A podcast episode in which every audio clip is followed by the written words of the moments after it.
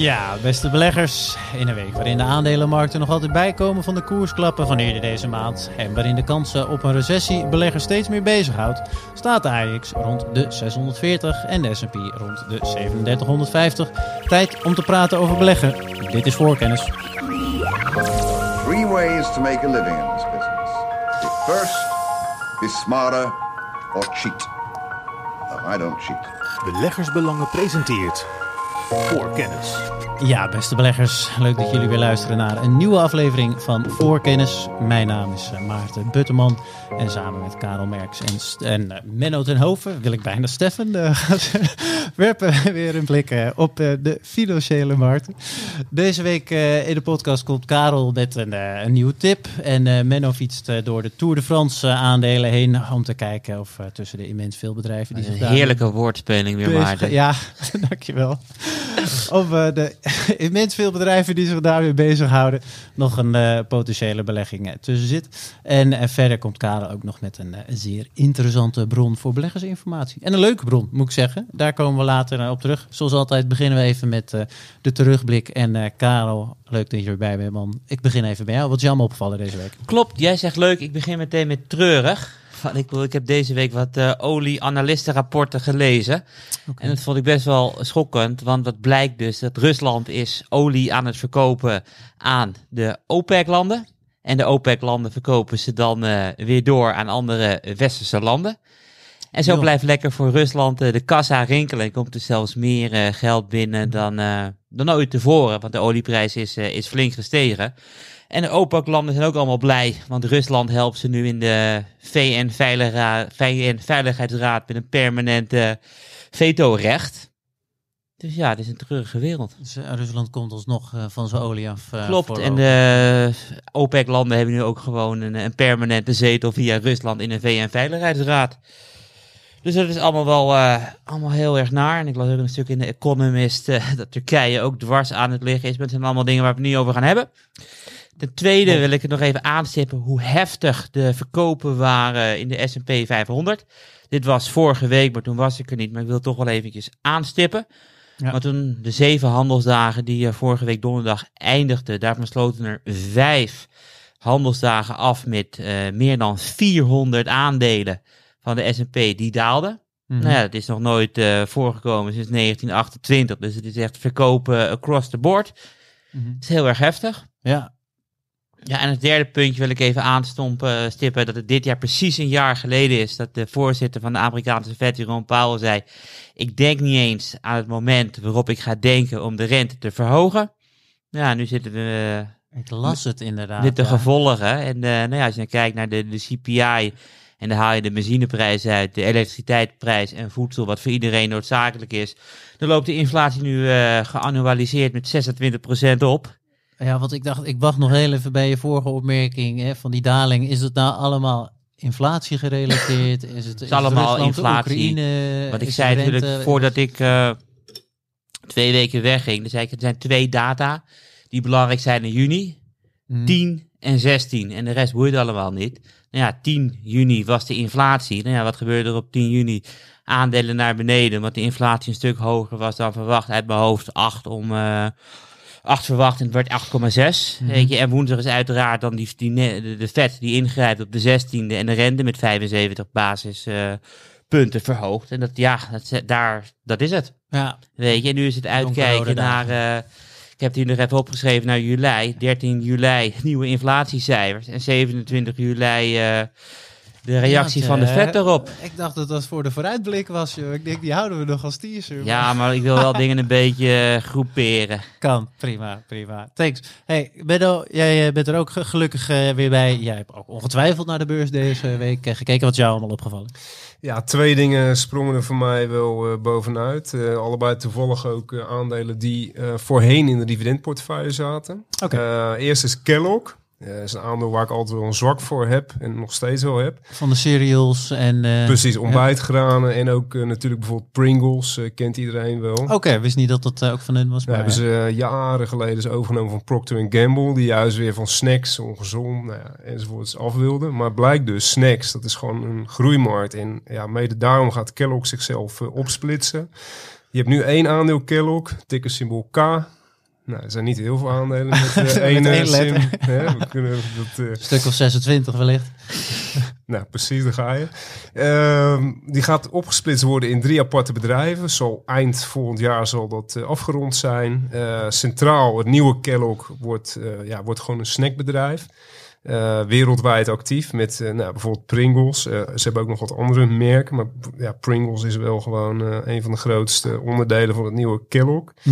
En eh, de andere divisies worden de Noord-Amerikaanse ontbijtgranen worden losgekoppeld koppeld, en de plant-based foods. En dan moet je een beetje aan de Beyond Meat-achtige, plantaardige vlees, dat soort zaken, eh, moet je denken. En, En, ja, en met, met wat, wat is de reden erachter dat ze denken van ja, we kunnen sneller groeien als drie aparte bedrijven? ja, dat is altijd een beetje de standaard eh, verklaring van eh, meer focus per, per Ja? onderdeel. Maar ja, wat, wat ze natuurlijk gewoon vooral doen, de dingen die het, die het slecht doen, waar, waar minder toekomstpotentie in zit, eh, dat gaat de deur uit. En dat worden dan per definitie natuurlijk ook gelijk overnamekandidaten. Want het is dan ook, zo- ik kan me voorstellen dat nou, binnen aanzienbare tijd, bij wijze van spreken, een van die, ze krijgen allemaal een- alle drie een eigen beursnotering eigen- of zo? Ja, precies. En dat een van de drie wordt dan misschien binnen nu en vijf jaar. Ja, nou, het zou mij bijvoorbeeld die, die Noord-Amerikaanse ontbijtgranen. En voor de volledigheid, voor de duidelijkheid, de internationale ontbijtgranen blijven bij Kellogg. Dus binnen die snacks. Dus als jij hier dat je, zo'n regionaal als je- onderscheid in zit. ja, ja dat, dat, dat, dat doet het dan blijkbaar toch beter. Hm. Eh, dus als jij hier je pak Kellogg eh, in de supermarkt koopt, dan blijft het gewoon bij het nieuwe Kellogg volgend jaar. Hm. En in de Verenigde Staten krijgt een aparte beursnotering. En ja, daar heb je nog wel een aantal andere grote spelers. General Mills, eh, Hm. Post Holdings, ook een heel mooi aandeel.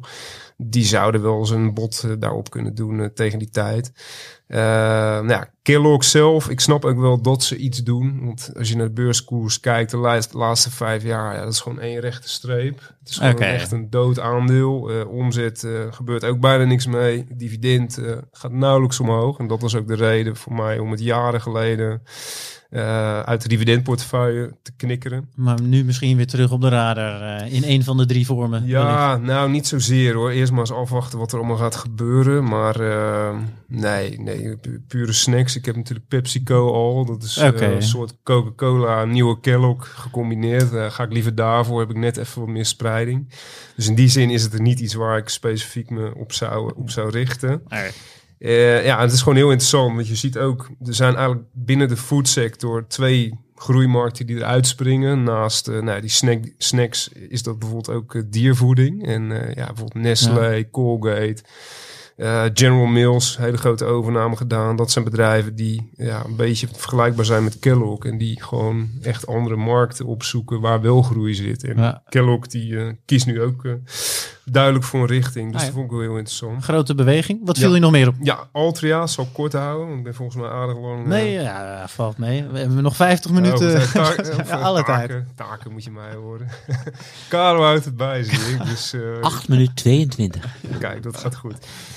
Ehm, nee, Altria. eh, ook ooit een dividendportefeuille aandeel geweest. Eh, nou, bekend van de eh Marlboro sigaretten in de Verenigde Staten. Dat is eigenlijk hun core business. Bijna alle omzetwinst behalen ze nog met, eh, met die zwaar ongezonde sigaretten die je met een aansteker aansteekt. Mhm. En ja, de groeimarkt binnen die ehm tabaks eh, eh, scene, laat maar zeggen, dat was altijd natuurlijk het smokeless tobacco en die vaping eh, devices. Heel irritant. Je ziet, eh, je ziet die mensen. eh, Het zijn wel eh, allemaal lekkere geurtjes als je langs loopt. Nou, precies. En dat is dus ook het probleem. Het is gewoon heel verslavend. En de jeugd. Toch eh, nog. Ja. Die, die, Want wat is er nu? Ze hebben een... wat- ja, de FDA, toezichthouder FDA, die eh, heeft dus aangekondigd van plan te zijn om de e-sigaretten Juul Labs, dat is een van de bekendste vaping brands in de Verenigde Staten. En daar is uh, Altria heeft daar 35% belang in. Hebben ze jaren geleden bijna 13 miljard voor betaald. En vandaag de dag zou het bijna niks meer waard zijn. Dus het is echt Zo. een enorme flater geweest. Het is een beetje een eh, Just Eat Takeaway Grubhub Ja, nee, eh, absoluut. verhaal. Ja. En het idee daarachter was, ja, dit is gewoon de toekomst. En uh, we gaan die kant op. Maar ja, dat, Streep uh, door de rekening. Precies, want het blijkt dus dat, dat,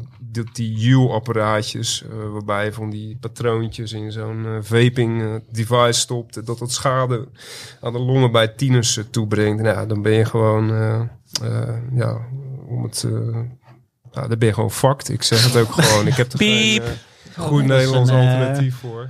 Het Eh, is niet bevorderlijk voor de gezondheid, eh, zullen we daar eh, van maken. Wellicht knippen we die eruit, maar Nee, gewoon de inhoud. Het kan wel. Het is toch duidelijk wat ik zeg. Nee, en ja, dat Joule, dat was dus gewoon de toekomst voor Altria. En eh, ja, op dit moment hebben ze gewoon eigenlijk geen alternatieven. Eerder hebben ze ook wat geprobeerd met eh smokeless tobacco. En dat is ook gefo- geflopt. In de Verenigde Staten Ja. zijn ze net wat strenger dan in dat Europa. wordt echt een, een lastigere en een lastigere markt om er wat eh, mee te doen. En Ja. dat aandeel blijft maar verder afglijden. Eh, en het ja, bizarre is, Altria is nog steeds een dividend aristocrat. Heeft nu een dividendrendement van bijna 9%. Ja. Dat is onvoorstelbaar. En eh, ja, dit is gewoon eentje. Daar kun je bijna vergif op innemen dat dat dividend gaat sneuvelen binnen nu in een paar jaar. Nee, dat, eh, eh, dat kan niet anders. De lijst van dingen die we gaan bijhouden in de show wordt steeds langer.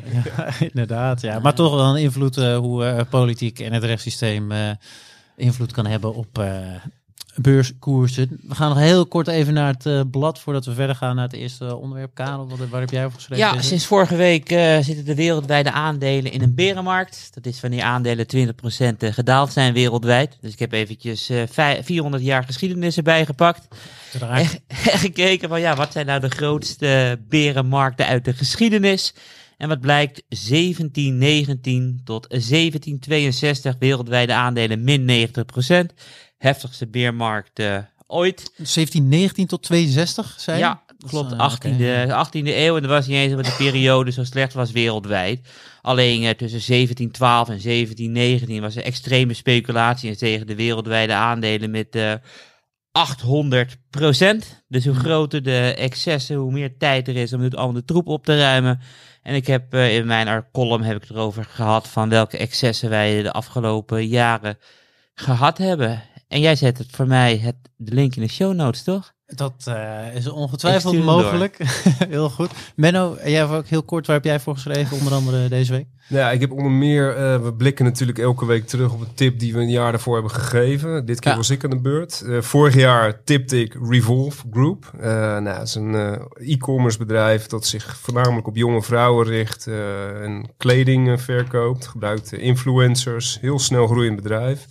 Vorig jaar was alles nog crescendo voor dat soort eh, Maar ja, dit jaar is natuurlijk die markt helemaal eh, gedraaid. En eigenlijk alles wat met e-commerce en met retail te maken heeft, Klappen. is Ja. helemaal ingestort. En ja, dit bedrijf eh, valt daar precies tussen. En het bizarre is... eh, Onderliggend nog wel. eh, Onderliggend is het eigenlijk nog precies hetzelfde. En als ik er nu ook naar kijk, ja, denk van, we staan 50% lager, maar het bedrijf groeit nog steeds 30% per jaar. Schuldvrije balans. Toen ik het tipte was de KW 74. Ja, dat was toen in die tijd nog heel normaal, dat je een gro- snelle groei met een hoge waardering, Mhm. eh, ja, er werd gewoon de hoofdprijs voor betaald. Inmiddels, ze groeien nog steeds verder, is die waardering een stuk lager. Analisten zijn ook nog allemaal laaiend enthousiast, snap ik ook. Ik zie precies hetzelfde wat zij zien. Eh, alleen ja, al die aandelen gaan helemaal stuk in deze markt. En eh, ongeacht eh, balans, winstgevendheid, whatever, het wordt gedumpt. En dat is vooral natuurlijk de sector consumer discretionary. Dit jaar slechts presterende sector in de VS ook, met min 31 procent. Ja, raken klappen. Ja, en ja, consumenten die houden de hand op de knip is de gedachte. En ja, laten kleding en niet-essentiële producten laten ze liggen om eh, ja, de gestegen kosten voor eh, om meer benzine, levenshoud, eh, Ja. levensonderhoud eh, te kunnen. Wat Karel ook zei, zei Ja. dat de essentiële kosten echt, eh, nou wat was vier- wat zei je, 24% eh, zijn gestegen ongeveer. eh, Ja, ja ergens, eh, 26 voor huishoudens. ja, dan kan ik wel snel begrijpen dat je op kleding eh, laat liggen. Ik zal het, ook dit artikel eh, op aanraden van Karel uiteraard eh, in de, de show notes Een zetten. dikke show notes. Voorkennis. Tijd eh, om verder te gaan met eh, het eerste onderwerp, eh, onderwerp. En dat betreft een nuttige statistiek voor de volgers van de olieprijs. Eh, Karel, vertel, waar gaan we naar kijken? De crack spread. Ja, een inter- interessante term. Wat, wat, wat, Waar denk is je aan? Maarten? Ik, nou, ik dacht zelf, ik hou het gewoon vriendelijk. Ik dacht een sandwichpret, maar... Nee, helaas, helaas. niet. Nee, Dus, wat hebben we de afgelopen tijd gezien? Wat jij ook zei bij de intro, de recessieangst komt er. Ja. Op het moment dat de vaste kosten voor een huishouden met 26% stijgen, is het heel snel over. En dat zie je nu ook op, op de beurs eh, bereikt. Dus bijvoorbeeld de olieprijs zien we dalen van eh, nou ja, 14 juni, dat is ruim een week geleden 125. En vandaag, eh, 24 juni, een prijs van 106 voor olie. Dus olie gaat heel hard eh, naar beneden. Dus ik denk van ja, laat ik eens kijken of het gewoon speculatie is. Of dat er werkelijk wat aan de hand is. En daarvoor kijk ik naar de Leuke cracksprijs. Ja. En de crack spread kijkt dus van ja, als je een vat olie hebt, dan kan je dus cracken in wat anders. Mhm. Daar komt ook die naam vandaan. naar bijvoorbeeld eh, diesel en benzine. En dan kan je dus kijken van ehm, hoe hoog, hoe groot de vraag is. Want, op want je hebt dan drie vaten olie, reken je mee? Ja. Drie vaten olie. Ja. En van drie vaten olie kan je twee vaten eh, benzine maken en één vat diesel. ja. Is dat, dat is wat er gemiddeld uitkomt ook? dat is wat er eh, gemiddeld ja? eh, uitkomt en dat is de officiële eh crack spread. ja. Dus je hebt dus gewoon de input is dus een vat olie. Dat is die, die WTI-prijs van 107. Mhm. En de uitkomst is dus de, wat ze dus verkopen, die raffinaderijen, dat zijn dus benzine en diesel. Mhm. En als je kijkt naar dat verschil, nou ja, vorige week bereikte dat verschil een all-time high van 62 dollar per vat. We staan nu nog steeds op 59 dollar per vat. En ter vergelijking, het gemiddelde van de afgelopen vijf jaar is iets minder dan 19. Dat kan je nog één keer herhalen, de prijs die op z'n 53 zijn? Nou, nu is het 59. All-time high is 62. Ja. En de afgelopen vijf jaar was de gemiddelde prijs iets onder de 19. En dat vertelt ons? Dat vertelt dus ons een aantal dingen. Ten eerste dat de vraag wereldwijd eh, naar diesel en naar eh, benzine heel erg hoog is. En dat is een veel belangrijke statistiek dan eh, de olieprijs. Omdat je met olie niks kan. Je moet er wat mee doen. Mhm. Of je moet er benzine van maken, of diesel, of wat voor in het vliegtuig. Dus jetfuel, kerosine. Ja. Eh, en omdat die vraag eh, zo hoog is naar eh, diesel en naar benzine, betekent dat dus dat gedurende de, die recessieangsten de vraag naar deze twee producten nog heel erg hoog is. Bizar. En dat eh, betekent een aantal dingen. Nou ja, ik ben, ik ben zelf natuurlijk een enorme olie major boel. Ik bedoel, eh, Chevron zit in eh, meerdere portefeuilles van beleggersbelangen. Mhm. En wat is voor Chevron belangrijk? Echt de olieprijs. Dus ja, hij daalt nu heel erg hard. Maar dat maakt allemaal niet uit. Want Want we weten, wat is hier waar is gedaald van? Wat is heel erg hard van? ja, wat ik vertelde, ruim een week geleden 125 en nu eh, 106, 107. Eh, Ja, oh nee, ik dacht over Chevron. eh. ja, oh, Chevron is gedaald van eh 180 naar 150. Oké. Eh, en de vraag is een beetje van ja, als er een recessie aankomt zoals 2020 of 2008, dat de olieprijs min 80% gaat, dan gaan ook al die oliejongens natuurlijk helemaal vergaas. Hmm. Maar ja, die crackspread laat dus zien dat de vraag naar eh, benzine en diesel zo hoog is dat die raffinaderijen gewoon werkelijk alle olie kunnen opkopen die ze maar kunnen vinden. Wat dus een enorme vloer legt onder die markt. Nog steeds. En dat kunnen ze dan omzetten naar diesel en, en benzine en voor echt de, de hoogste marge ever eh, verkopen. ja, want dus- daar gaat het. Het is gewoon de marge inderdaad. Ja, klopt. Dus ik bedoel, dus ik zit ook te denken om gewoon nu weer een extra eh, uitbreiding te doen voor Chevron.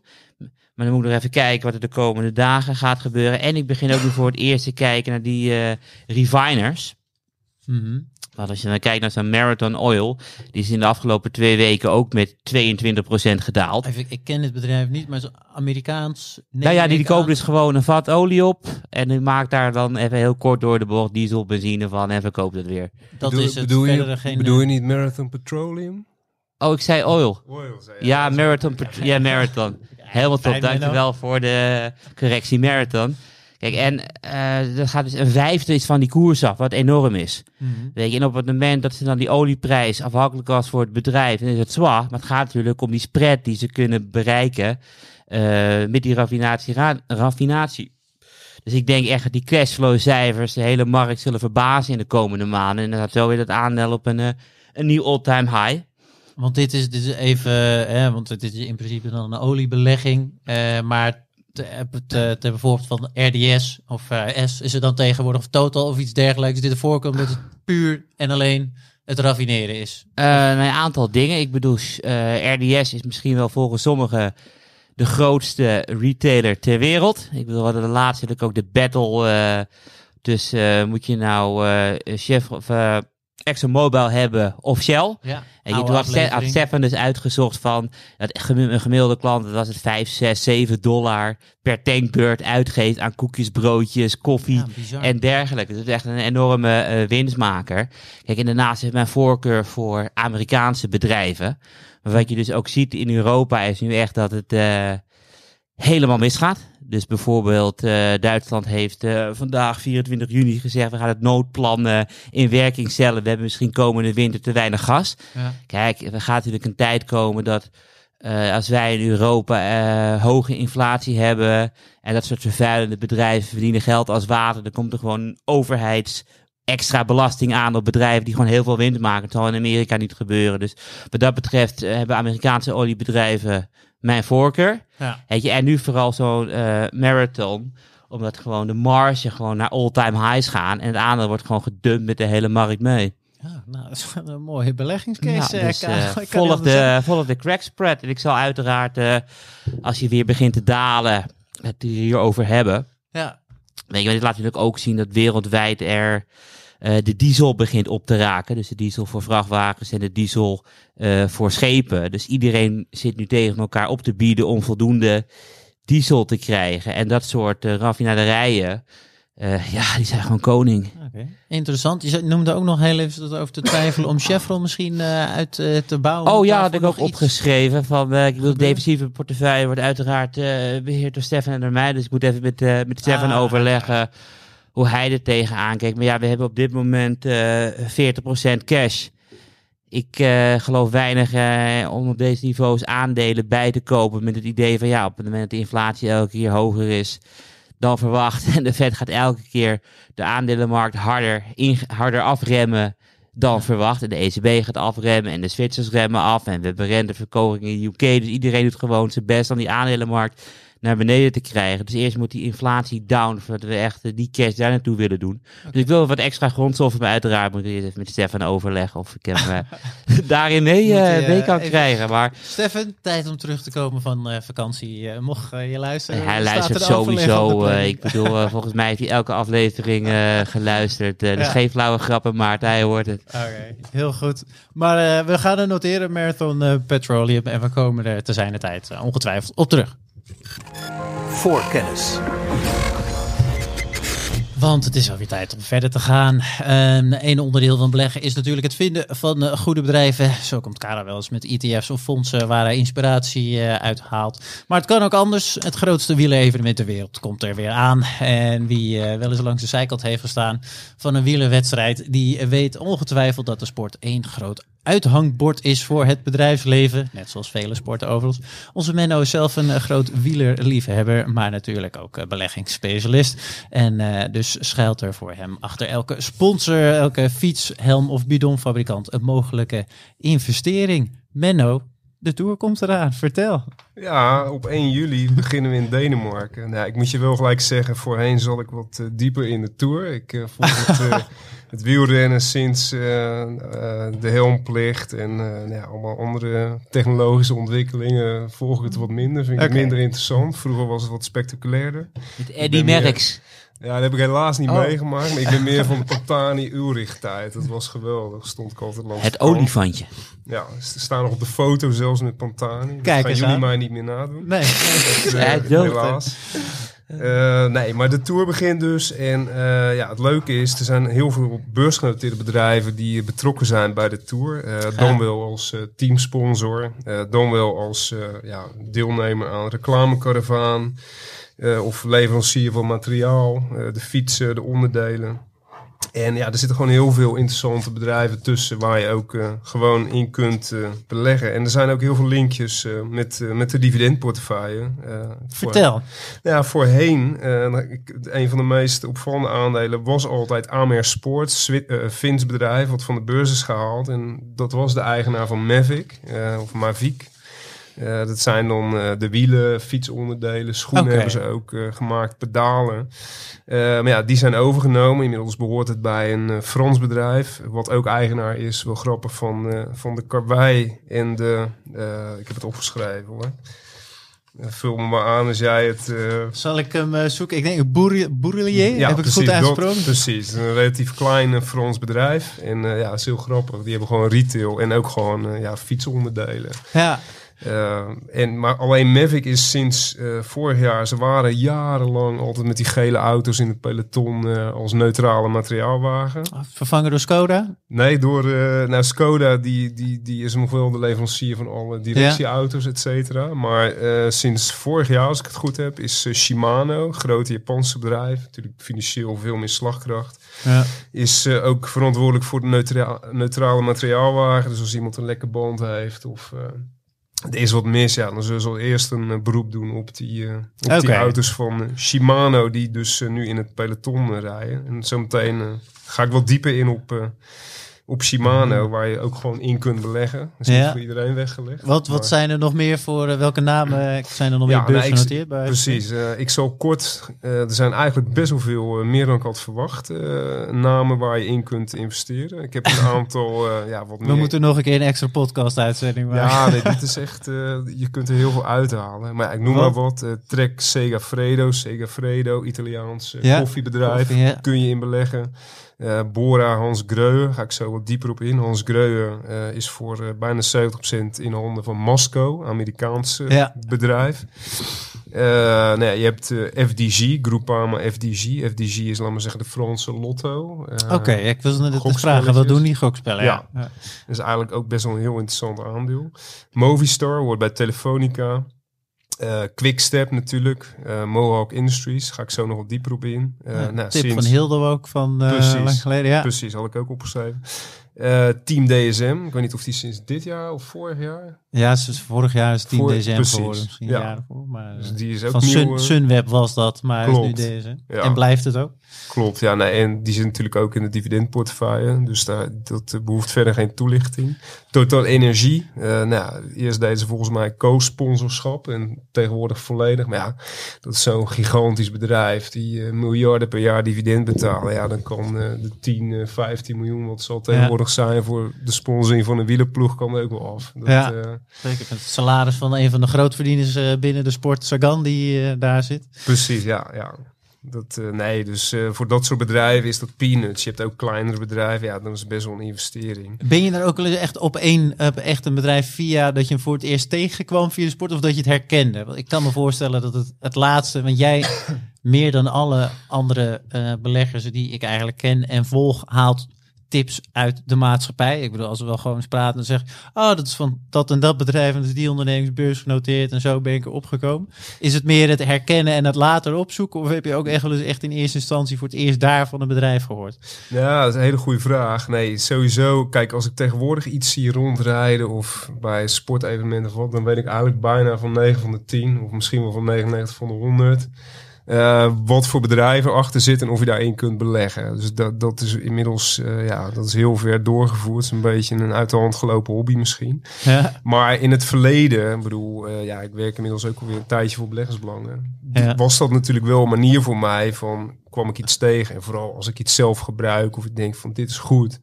Dan ga ik zeker kijken of ik daarin kan beleggen. Doe jij dat ook wel eens, Karel? Of is het alleen, zit jij, haal jij echt alleen uit verslagen en dat soort dingen? Nee, eh, Netflix. Dat ik het ook gebruik. Ja, oh ja, ja. ik, bedoel, ik heb het regelmatig in de uitzending over eh, Ben en Jerry's. En het werkt ook andersom. Want ik bedoel, een jaar geleden vertelde ik jou dat ik voor de komende vijf jaar eh, genoeg polo's gekocht had. Dat ik een toenprijs over het dak ging, Ja. Oh, ja, et cetera. Dus nee, zeker. Ja, oké. Hey, ben nou vertellen, je wilde nog op een paar bedrijven ingaan ook, zei je? Ja, nou ja, ik, ik loop nog heel even kort mijn lijstje Ja, over sure. met alles wat er is. Het kan vrij snel. Nou, Continental natuurlijk. Hè. Ik eh, fiets zelf ook. Eh, ik heb ook van die Continental of Continental eh Duitse Banden. banden heb Ja. ik. Eh, nou, is ook een, eh, een partner. Skoda, wat jij al noemde, hoort bij Volkswagen. Eh, ja, en Orange Telecom zit in de hoogdividendportefeuille. Vitel, heel bekend in de Tour altijd. eh, zowel in de caravan als met die bogen van aantal kilometers. Hoort bij Nestlé. Ja, Eh, ook een heel interessant aandeel vind ik is Antargas. Eh, hoort bij het Amerikaanse UGI Groep. Dat is een eh, nutsbedrijf. Een beetje gecombineerd nuts en exploratie, als ik me niet vergis. oké. En ken hem niet, moet ik zeggen. Nee, dus in, die zijn dus in de Franse markt, op de Franse markt ac- actief met ja, vloeibaar gas in die fles. eh, Ah, Oké, eh, Steffens. Ja, ja, precies. Ja. Een beetje. En dan volgens mij wel meer voor consumenten. Hm. Eh, Tissot, de tijdsopname. Nou, dat hoort bij Swatch. Eh, Shimano, ik noemde het al.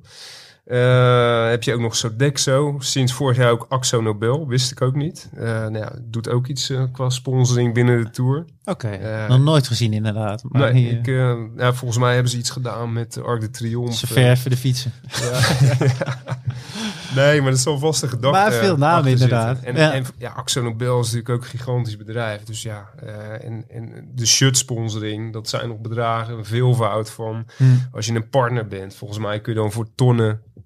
Eh, kun je al meerijden in de reclamekaravaan. Ja, als je een beetje ploegje wil sponsoren, dan ben je al eh, miljoenen, meer dan 10 miljoen, misschien zelfs wel 20 Het zijn miljoen kwijt. eh, geen kleine beslissingen volgens Precies, precies. Dat is een andere categorie. Eh Senseo is ook een sponsor. Nou, hoort bij JDE Peets. eh, sinds een aantal jaren in Nederland genoteerd. Adecco, eh Randstad, sectorgenoot uit Zwitserland. Eigenlijk ook een heel interessant aandeel, hard afgekomen. En ja, fietsonderdelen, ik noemde het al even kort. Oakley, nou, veel renners dragen Oakley brillen. Ik heb er zelf ook eentje liggen. Hoort bij Essilor Luxottica, eh, Frans-Italiaans fusiebedrijf. Garmin, ook heel mooi aandeel. eh, gemaakt van die eh, metertjes voor op de fiets. Vroeg toch tegenhanger van TomTom. Is die... eh, Klopt, ja. Ja, Garmin, dat is, die hebben het veel beter gedaan. Zaten sowieso in een hele andere markt al. Die zijn veel meer bezig altijd geweest met eh, persoonlijke sportiviteit. Eh, eh, dus niet zozeer de kaarten, maar gewoon meer de, de, de slimme devices voor fietsers, voor watersport. En ja, die, die draaien nog steeds heel goed. Is gewoon een heel mooi dividendaandeel ook. En nou, er zijn een aantal waar ik wat, wat dieper op in wilde zoomen. Eh, je noemde het net al. Even mijn papieren goed op orde maken. Wat voorbereiden. Ja, nee, zonder weer. Er gaat veel tijd in zitten. Nou, Moskou, ik noemde het eerder al. Ik heb het ook getipt. Ehm, eh, Van Bora dus. Precies, van Bora. is grote speler op het gebied van eh, woningverbetering en bouwproducten.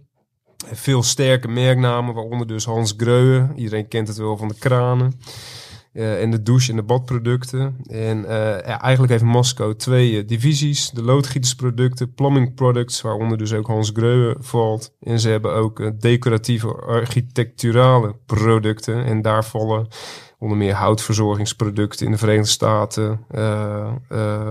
Eh, eh, onder die eh, vooral via de, in de Verenigde Staten via doe-het-zelf ketens, Home Depot, Lowe's, dat soort eh, bedrijven worden verkocht. Ze halen ook het deze- grootste Volgens mij heb je dat nog vrij recent is die in het blad. Ik weet niet meer wat klopt voor vorm als uh, voorbij leesvraag gekomen. volgens mij. Ja. Ja. Want die blijft toch nog best wel goed liggen, ondanks alle... Ja, naar, naar, ja, naar verhouding doen ze het relatief goed. Maar Ja. ja, de, qua sector is het natuurlijk ook eentje die gewoon heel slecht ligt nu. Eh, kijk je naar aandelen van bouwmarkten, eh, eh, doe het zelf aandelen, eh, Stanley, Black Decker, noem er maar eentje. Ja, dat ligt zwaar onder druk. Precies. Met, met diezelfde reden als... eh, precies, ja. Dat consumenten op de kleintjes moeten letten. En eh, ja, liever eh, hun geld aan een volle tank uitgeven nu dan aan... Logisch. iets wat niet per se nodig is in de woning of om iets in de woning te doen. Dus ja, dat nekt dit soort bedrijven wel. Maar ja, ik kijk natuurlijk altijd vooral lange termijn. En ik zie gewoon hele sterke cashflows. Eh, dividenden die gewoon elk jaar keihard omhoog gaan. Moskou verhoogt de dividend dit jaar met 19 procent. de voorgaande jaren ging het nog harder omhoog. Nu negen jaar per rij verhoogd. Eh, koopt elk jaar massaal aandelen in. Ja, en als je dan dit jaar eh, een derde van je waarde verliest tegen een KW van 11 noteert, dan eh, denk ik dat dat wel hele interessante aandelen zijn. Alleen de markt denkt er anders over voor nu. Over een paar jaar dan Ja, zal iedereen zich achter de oren krabben. Volgend jaar bij de Tour kunnen we er eh, op terugkomen. Je hebt Ja, er nog twee. Nou, Mohawk, inderdaad, ik noemde het net al. Dat is het bedrijf achter Quickstep. Eh, Amerikaans bedrijf. Eh, eerder inderdaad getipt door Hildo. Ja. Eh, ja, die grootste wat, mark, marktleider in vloeren. Ja, ja, ja. ze doen natuurlijk laminaat, vinyl. Nou, Quickstep ook vinyl, laminaat.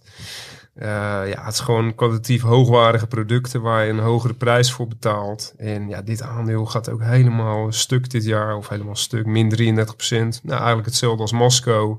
Maar dit zijn wel kwaliteitsaandelen met een ijzersterke balans. eh, gewoon eh, pricing power. Eh, nou ja, het enige nadeel of mindere van Mohawk vind ik dan dat ze eigenlijk nog nooit een dividend hebben betaald. Zouden ze makkelijk kunnen als ik naar de fundamentals kijk. Ze doen wel buybacks en ze doen kleine overnames. eh, betalen geen dividend. Ja, daardoor loopt die eh, balans, die wordt wel steeds sterker. Dus daar valt ook wat voor te zeggen. En in deze tijden is het alleen maar gunstig. En eh, ja, als je bijvoorbeeld kijkt naar de vrije kaststroom yield. Nou, Karel die eh, kijkt daar volgens mij ook altijd graag naar. Als geen ander. Zit je op eh, dik 10%. Ja, dat is gewoon eigenlijk al het geld wat je overblijft. Dus dat kun je gebruiken. Dat is heel erg veel. Ik bijvoorbeeld net vergelijkt daar met een bedrijf als, eh, als Nestlé. Die zit op 2%. Oké. Weet je, 10 is echt heel erg veel. Maar is het dan nog een ding dat per sector kan verschillen? Of ja, ja, het, zeker weten. Want ik bedoel, kijk, op het moment dat jij iets verkoopt als, als olie, hmm, dan kan het kan heel erg fluctueren, omdat de olieprijs kan verdubbelen of halveren of negatief gaan. Ja. En verkoop je bijvoorbeeld zwembaden, dan zijn die prijzen redelijk eh, stabiel van een zwembad. Dan zie je ook dat die free cashflow yield wat redelijker stabiel zijn. En als je dan in zo'n crisis het Dus de oploopt, on- het onderliggende product dat Kan vastpakken. voor- ja, Ja. nee, maar als dat stabiel is, dan is het eh, is dat dan lager of hoger? Of? Ja, in de regel lager. Ja, oké. Eh, maar op het moment dat het dan in een crisis boven de 10% uitstijgt, dan weet je dat het houdbaar is. En het is gewoon van elke dollar eh, aan beurswaarde komt er gewoon elk jaar 10 cent naar je toe. Oké. En dat is gewoon heel erg leuk op het moment dat je de tijd hebt. Ja. Nou, mooi aan. Ik weet nog dat de Hilde die zei er ook voor. Ja, het is een marktleider met een goede balans, gemiddelde KW van 15 en nu met een KW van 10. Dus misschien voor de luisteraars. zelfs, eh, als ik eh, de nou ja. laatste taxaties eh, mag geloven. Ze hebben nog, eh, het laatste kwartaal kwamen ze positieve cijfers. Omzet steeg tot eind maart nog gewoon met 13% Ja, we zitten natuurlijk in een andere, ander klimaat nu. Maar ja, Ja. als jij een nieuwe vloer nodig hebt, eh, dan pak je die, weet je. En eh, als je een jaar geleden niet van plan was om iets meer te betalen voor Quickstep, ja, dan eh zou je dat dit nu ook niet doen. Dat is een beetje mijn gedachte daarbij. Eh tuurlijk zal het ze ook raken en het blijft een cyclisch aandeel. Ja, juist als dit soort aandelen hard dalen, dan moet je er gewoon van profiteren. En dat Ja, kan, het voor de luisteraar. Menno ziet nog steeds veel heel goedkope aandelen. Absoluut, heel is wel belangrijk om niet eh, blind in alle Tour de France eh, beleggingen te Nee, stappen, uiteraard. nee. Maar zorg voor een goed, goede spreiding. Maar ik vond dit wel een hele leuke manier om naar te kijken. Je had er nog één laatste. Kunnen ik we heb- nog heel ja, even kort een- benoemen? ja, en ik heb er nog twee eigenlijk. Dus zal ik die gewoon allebei heel kort doen? Heel kort. En dan zegt Menno altijd, weinig voorbereiding. En dan is je gewoon de hele dag aan het beulen. En dan denk ik van, eh, Menno heeft altijd een maand nodig om voor te bereiden. Ja. Nee hoor, nee. Gesloop- Alles keurig netjes ik bedoel, eh, Menno is de jongen die zegt van, ik heb niet geleerd voor het proefwerk. En dan gewoon in negen gehaald en stiekem thuis lopen beulen, weet je. Oké, vertel. De, Dat klopt niet laatste trouwens. twee Maar goed. Eh, nee, Arkema, nou, daar kan ik heel kort over zijn. Zit natuurlijk ook in de dividendportefeuille. Sponsoren de tour met eh Bostik. Dat is een lijm, eh een lijmmerk. Ken, kende ik niet overigens. Maar het is toch wel Nou, leuk dat, is dus typisch weer zo eentje. Bostik, ik zie het, ik ga het zoeken. hey, Arkema. Dus Ja, dat, maar eh, ik wil oprecht dat Voor luisteraars, ik- eh, je, je Ja. staat er niet bij stil als je de tour kijkt, maar je kan er Precies, op een leuke belegging precies. komen. Een logootje met een salamandertje is het volgens mij, die je ergens langs de weg ziet staan, dan weet je Arkema. Nee, en eh, ja, grappig is ook wel trouwens, concurrent Soudal, eh, van Lotto Soudal, is eigenlijk een, een concurrent van Arkema. En die zijn shirt sponsor van echt een ploeg. En eh, ja, misschien is dat ook de reden dat Arkema in het peloton rondrijdt. Of juist dat Soudal erbij is gekomen. Ik weet niet, ik denk dat Soudal later kwam. Dus dat zijn wel grappige dingen. Volgens mij gaat die net weer over, eh, Soudal.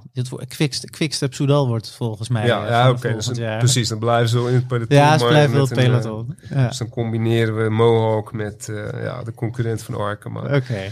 Nou ja, eh, Arkema kan ik heel kort over zijn. Fantastisch aandeel. eh zetten steeds meer in op speciaal chemieproducten. waar ze veel hogere marges ophalen. Eh laatste cijfers waren gewoon prima. Maar ja, ook dit aandeel ligt gewoon zo onder druk eh, in deze markt. Heel veel inputkosten komen natuurlijk van, eh, van olie. Ze hebben gas nodig bij de productie. Ja, dat legt dit soort bedrijven. Ja, legt daar wel druk op die koersen. Maar ja, met 3,3% dividend ijzersterk cashflow-balans, een KW van iets meer dan 7. Ja, dat gaat nergens over voor zo'n aandeel als Arkema. Heel kort nog Shimano. Nou, dat is het Japanse bedrijf. Eh doet dus eh, de neutrale materiaalwagen, maar levert ook voor heel veel ploegen eh, de, de schakelgroepen, de pedalen. Nou ja, ik heb iedereen die op een racefiets Ja, zit. bekend, bekende ja, naam. Ik bedoel, je kan er niet omheen. Er zijn drie spelers, maar Shimano is volgens mij nog altijd met afstand de grootste. Eh, het leuke, leuke van Shimano, ze doen eigenlijk twee dingen. Eh, het is best een groot bedrijf. 15 miljard omgerekend dollar beurswaarde. Ze doen eh, fietsspullen, laat maar zeggen, zoals ik het noem. Fietsonderdelen. Dat Mhm. is 81% van de omzet. En ze doen ook visspullen. Nou, laat dat nou toevallig twee dingen zijn waar ik eh, in de hobbysfeer ook eh, veel plezier eh, mee heb. Hoe is dat historisch gekomen? Ja, zover ben ik er niet ingedoken. Maar eh, ja, het is gewoon echt een kwaliteitsspullen. Eh, vorig jaar hebben ze enorm geprofiteerd van corona-omzet tegen 42 Ja, Continu iedereen wil vissen. Precies. En, Ah, wielrennen is ook heel populair de laatste jaren. Precies, maar het was echt, in wat je zegt, het was gewoon op een gegeven moment zo. Al had je een reserveketting nodig voor je racefiets. Nou, kon je een jaar wachten of zo, Ja. noem maar wat. Dus de vraag naar die producten is enorm. Eh, ja, er zijn weinig echte concurrenten. En als jij Shimano onderdelen hebt, ja, kun je geen eh, Campagnolo ketting, denk ik, op je fiets leggen. Dus je moet het allemaal van die ene partij hebben. Nou, dat Dus, is op, eh, zich, op zich een slim verdienmodel. Ja, nee, zit ik. En ze zijn heel innovatief. Elk jaar, elke paar jaar komen er weer nieuwe groepen. Natuurlijk weer duurder, lichter. En ja, de echte freaks die kopen dat. Ik doe gewoon keurig 10 jaar of zelfs 20 jaar met mijn fietsje. maar ja, de- Maar enorm het is- innovatief. Het is eh, wel een, een leuke manier om op aandelen te komen. Ik bedoel, je noemt Ja. al heel even, er zijn, nou, volgens mij zijn er net toch een dertigtal bedrijven voorbij gekomen. Ik Ja, ga er zelf ook nog eentje. Eén keer in de zoveel tijd, dan stuur ik vaak Menno, omdat hij iets meer in de software hoe zit of heel doos, een mailtje van, joh, ik kom dit bedrijf tegen, dit is een goed product, ik gebruik het, het is beursgenoteerd. Kun je er heel even naar kijken. Het Waarom is toch krijgen zij tipjes en ik niet? nou, ik ga nu net tegen jou en tegen de luisteraar. Het is een projectmanagement tool, dat heet Asana. Is van de oprichter van, even, van de originele oprichter van Facebook ook. En eh, het, Ja, is, ja. het is beursgenoteerd, 70% Ik afgekomen. wou net zeggen, die zijn helemaal kapot gegaan. En het is een, eh, inderdaad, dus ik dacht misschien is het nu interessant. Dus beste luisteraars, het is geen tip, maar eh, onderzoek het eh, eens een keer. Speculatieve tips ook. Nou, een onder, te onderzoeken bedrijf. En daarmee, eh nou, mooi einde van het onderwerp. Voorkennis. Want eh, voordat je het weet eh, zit eh, de benoemde 50 minuten alweer bijna in de klok. En dus is het tijd om naar het laatste onderwerp te gaan. En dat betreft niet alleen een leuk, maar ook een zeer nuttige bron van informatie voor beleggers. Karel, dat is Dat is Twitter. Twitter. Ja, hartstikke leuk. Einde aflevering, dames en heren. Dat, Ik bedoel, ik zit al, nou ja, 15 jaar ruim op het sociale netwerk Twitter. Ja. En er worden af en toe dingen gedeeld door sommige mensen, wat ik echt reuze interessant vind. En vandaag wil ik eh Bison Interest in het zonnetje zetten. Zet hem maar in de show notes, dat mensen lekker kunnen doorklikken naar het Twitter-account. en naar en- de website. En naar de website. En dat is dus een, eh, een beleggingsfirma dat onderzoek doet naar Amerikaanse aandelen. Ja. En doen ze dan in eh, hele uitgebreide draadjes. Ja. Nou, het draadje wat ik wil bespreken gaat over Warren Buffett. Daar hebben ze 24 dingen uitgezocht. Ja. Uit, de, uit de jaarverslagen, uit opmerkingen van Buffett, et cetera. Ja, voor Ja, de luisteraars die niet op Twitter zitten, een draadje, dat is eh, een klein lapje tekst van het bedrijf. Maar ik ga zo direct nog in of iedere belegger op Twitter moet zitten. Ga verder. Nou, vragen ze uiteraard eh, ja. Dus ze hebben bijvoorbeeld gekeken in, eh, in tweet nummer 1 van de 24. Ja. Daar wat Warren Buffett in olie heeft gedaan over de afgelopen eh, 72 jaar. Ik bedoel, op het moment dat je alweer bij, eh, ruim over de 90 bent, dan kan je zo'n mooi track record hebben natuurlijk. En er staat best wel vaak, eh, of eigenlijk altijd in olie, wel heel erg goed. Mhm. Want in 1956 eh, kocht hij onder andere het bedrijf Oil and Gas Management. Olieprijs was toen gecorrigeerd voor inflatie. Alle getallen die ik genoemd heb zijn gecorrigeerd voor inflatie op 30. En in 1983, eh, nou ja, toen de olieprijs op 80 werd, werd hij er negatief over. En hij heeft zoveel goede olietrades gedaan en geen enkele slechte. En Echt ik wil. Waar, waarom werd hij negatief? Weet je dat toevallig toen op dat moment? ja, we Kunnen we ook een keer op terugkomen hoor. Nou ja, nee, ik bedoel, je hebt natuurlijk de, de, eh, vanaf 66 tot 82 was een inflatieperiode. En energiebedrijven presteren heel erg ja. goed in inflatie. En begin jaren 80 heeft Volker de inflatie gekild. Oh, en toen ja. dacht Buffett, nou, ik neem afscheid van het mooie olieprijs. En uiteindelijk eh, daalde de inflatie. Gingen ook al die olieaandelen helemaal kapot. Ja. Dus Warren Buffett was op tijd. Wanneer was hij ook in tijd? 2002. Olieprijs op 40, kocht hij uh, PetroChina. Nou, dus schoot in één keer de olieprijs naar 100 in 2007 door de opkomst van China. En verkocht hij PetroChina met een dikke winst. Ja. En uh, hij kocht in 2020 kocht hij Chevron. Nou ja, uiteindelijk zat Chevron er twee jaar later echt heel, heel veel hoger. Gewoon meer dan verdubbeld uh, het aandeel. En dit jaar kocht hij voor, uh, was het 39 miljard aan uh, Chevron en aan, hoe heet het ook alweer, Occidental Petroleum. Ja. Dus Buffett is ook weer vol in op de olie. En vanwege dat fantastische track record is het altijd fijn om bevestigd te worden dat het orakel uit Omaha nou ja, ons aan het volgen is. Ja, en een superleuk staartje waarmee dus, uh, wat was de naam ook weer van de Twitter-account? Uh, Bison Interest. Bison Interest, daar kan je het inderdaad allemaal zien. Ik had er ook even naar gekeken. Ik was benieuwd ik, dat hij in 1956 uh, een thesis presenteert over investeren in olie. Het zou wel leuk zijn om daar nog een keer uh, onze handen op te krijgen. te ja, nee, ik bedoel, dat soort dingen zijn gewoon allemaal wel te vinden. Dat is echt leuk. En elke keer hebben ze dit soort draadjes. Het is gewoon een onderwerp helemaal gaan uitpluizen. Ja, waar ik zelf nog benieuwd naar was, hij is dus in 2007 uh, uit olie gegaan. Als Klopt. ik me goed herinner. En Ja. dat is ongeveer tegen de, voor inflatie gecorrigeerd dezelfde olieprijs als waar hij nu nog weer instapt. In Ja, dat klopt. en in Oxy. Klopt, dus de Is olieprijs... iemand dat- hem wel eens voorgelegd van, hey, joh, eh, is het zo'n wereld van verschil? Nou ja, waarschijnlijk heeft En- hij ook door dat we ESG hebben. Waardoor we niet meer in olie investeren. Dus op het moment dat je kijkt naar de olie-investeringen, zijn die in 25 jaar niet zo laag. Weet je, en die oliebedrijven hebben nu een, eh, een free cash flow yield van boven de 10%. Is ook in de afgelopen 25 jaar niet zo hoog geweest. Dus ik bedoel, de free cash flow yield stijgt nog veel sneller dan de, dan de olieprijs. En hij ziet dat eh, waarschijnlijk ook. Weet je, en de olieconsumptie heeft nog niet gepiekt. Ja. Wordt nog veel hoger. Wat ik bedoel, in 2050 hebben we geen 7 miljard mensen op deze aarde, maar eh 9 miljard. Eh, ik las vandaag een stuk in de FT dat 50% van Afrika niet eens elektriciteit heeft. Dus de wereld heeft echt enorme elektriciteitarmoeden. En op het moment dat je dan kijkt naar de fossiele brandstof, het gebruik daarvan, zijn ze allemaal op een eh, all-time high. Hm. Dus je ziet dat eh, vaak heb je wat misleiding in de energiemix. Want als je dan kijkt eh, naar de afgelopen 30 jaar, dan is het, het procentueel steenkolengebruik is gedaald. Dat piekte in 1990, zien we alleen maar lager omdat we er vanaf willen. Maar kijk je naar absoluut, dan hebben we 3,5 keer zoveel steenkool dit jaar verbruikt als in 1990. Ja. Dus hij ziet gewoon dat we niet investeren, dat de vraag eh, toeneemt en dat er waarschijnlijk ook gewoon een probleem gaat komen. En Zijn, hij, zijn zijn eh, beleggingsvoorstellen, publiceert hij dat ergens? Is dat, is dat online ergens terug te halen? ja, zeker. Dat is voor het voordeel van de, Het is allemaal beursgenoteerd Ja, natuurlijk. dus hij moet alles melden. Het valt Ja. gewoon door te lezen in, het, eh, in jaarverslagen. En in Amerika valt alles eh, na te lezen. Want iedereen moet bij de SEC aangeven waarin ze beleggen. Dus dan kan je ook gewoon opzoeken wat de Centrale Bank van Zwitserland voor aandelen allemaal gekocht Ja, heeft, eh, et cetera. Moet hij ook aangeven waarom? Nee, Doet hij dat nee, ergens? nee, nee. Kunnen Maar, we dat ergens terugvinden? Los van op het... ja, hij schrijft natuurlijk elk jaar schrijft hij een, een brief naar beleggers. Ja.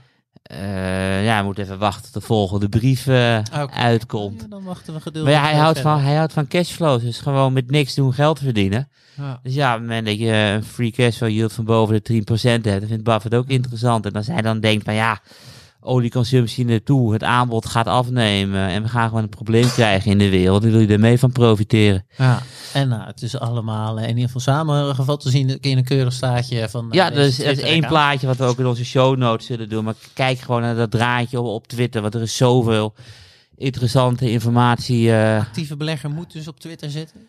Sowieso. Verplichte kost. Menno, zit jij... eh, ja, ik weet dat je op Twitter zit. Volg je ook echt specifieke mensen op eh, Twitter? Nee, ik moet eerlijk zeggen, ik eh, gooi af en toe een tweetje uit, maar ik check nooit eh, accounts van anderen. Maar dat valt ook een beetje in het hele, ja, hoe ik in, tegen beleggen aankijk. Lange termijn, niet te veel afleiding op korte termijn. Het, Ja, eh, ik weet dat Stefan zweert er ook bij inderdaad. Die zegt, ja, nee, Twitter, het is toch echt... eh, de, de, de tools zijn er nog andere dingen, à la Twitter, wat jullie zelf voor informatiesystemen.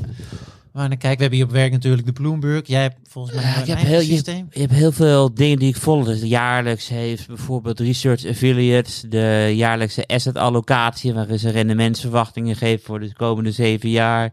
Oh. Robeco heeft dat. Nou ja, ik heb ook vorige week nog aan jou verteld dat ik 114 podcasts volg.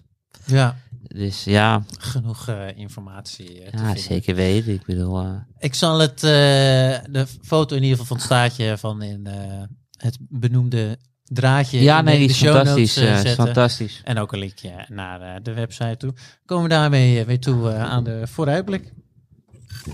Voorkennis. Ik ben eh, wat dat betreft eh, benieuwd, eh, Karel, jij nog kijkt. Je had in ieder geval, nou ja, volgens mij de twee data. Ik zei het al heel even, we moeten naar twee data kijken. Ja, 13 juli, 27 juli, inflatie en hoe de Fed daarop gaat reageren. Weet Ja. je? En het is niet anders. Ik bedoel, de afgelopen, wat is het, sinds 2008 is het enige wat telt, is de Fed. Ja, don't fight the Fed. Ze zijn keihard aan het afremmen. Dus ik hoop dat de inflatie een keertje niet hoger dan eh, verwacht gaat uitkomen. Maar dan krijgen we het hele riedeltje van, eh, van juni weer. Ja. Weet je, en daarna zie je ook Dus jij, nog... jij gaat achter de Bloomberg zitten wanneer eh, dit, deze uitkomen op deze dagen. Ja, ja, ja, ja. En dan vooral op, op 27 juli ga ik ook de persconferentie van Powell kijken.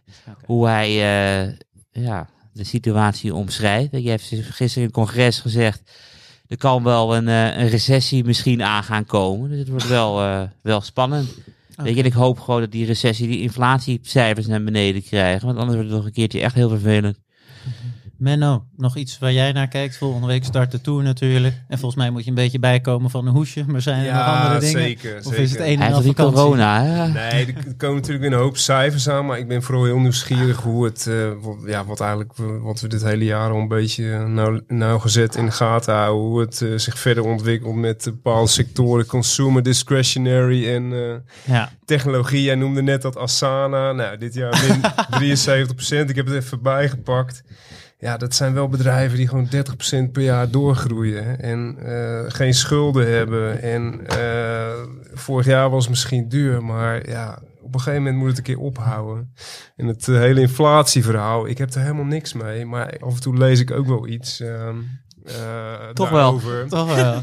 En zo zag ik een lange, bedrijfscijfers. een lang- nee, ik zag een lange eh, inflatiechart eh, in een Frans tijdschrift. Ehm, en ja, goed, de conclusie daar was gewoon: in het verleden hebben we ook van die enorme inflatiespikes gehad. Maar één of twee jaar later is het weer back to normal. En dan staan die koersen gewoon veel hoger. Dus je kunt wel gaan wachten tot het ergste moment. Maar ik denk dat je gewoon. eh, ja, ik riep het vorige maand ook. En sindsdien zijn we lager gegaan. Dus hoe am I? Maar ja, eh, ik zou er vooral niet te lang op wachten. Ik zie gewoon heel veel koopjes. Dus eh, ik ben benieuwd wat het komende ook het voordeel van, gaat eh, brengen. van ETF beleggen.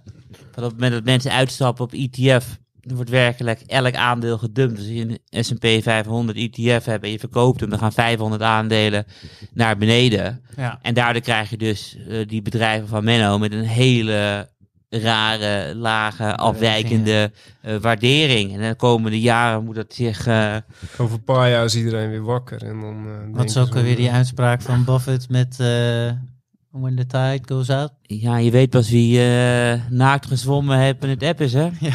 Hey, en Maarten, je hebt trouwens een gouden tip gegeven net. Nee, nee, nee, nee, nee, totaal staat, niet. staat Dat gewoon 10% hoog vandaag. Oh my ja, ja. god. Gaan we Maarten gewoon frontrunnen, weet je. Net Dat als was eh Nee, hoogstens huiswerk. Maar we heel- kunnen er heel ongetwijfeld speculatief nog een aandeel, keer eh, sowieso. op terugkomen. En nog één ding, eh, of mensen nou enquête willen invullen. Ja, nou, Ja, toch? kan Ik bedoel, ja, heel mensen die gewoon, eh, in de show notes zetten. Bijna 53 minuten geluisterd hebben. Daar willen we graag feedback van. Ja. Moeten we stoppen? Moeten we doorgaan? Nu meer we minder aan het einde van de aflevering. Vul graag nog even de enquête in als jullie willen. En eh, tot volgende week.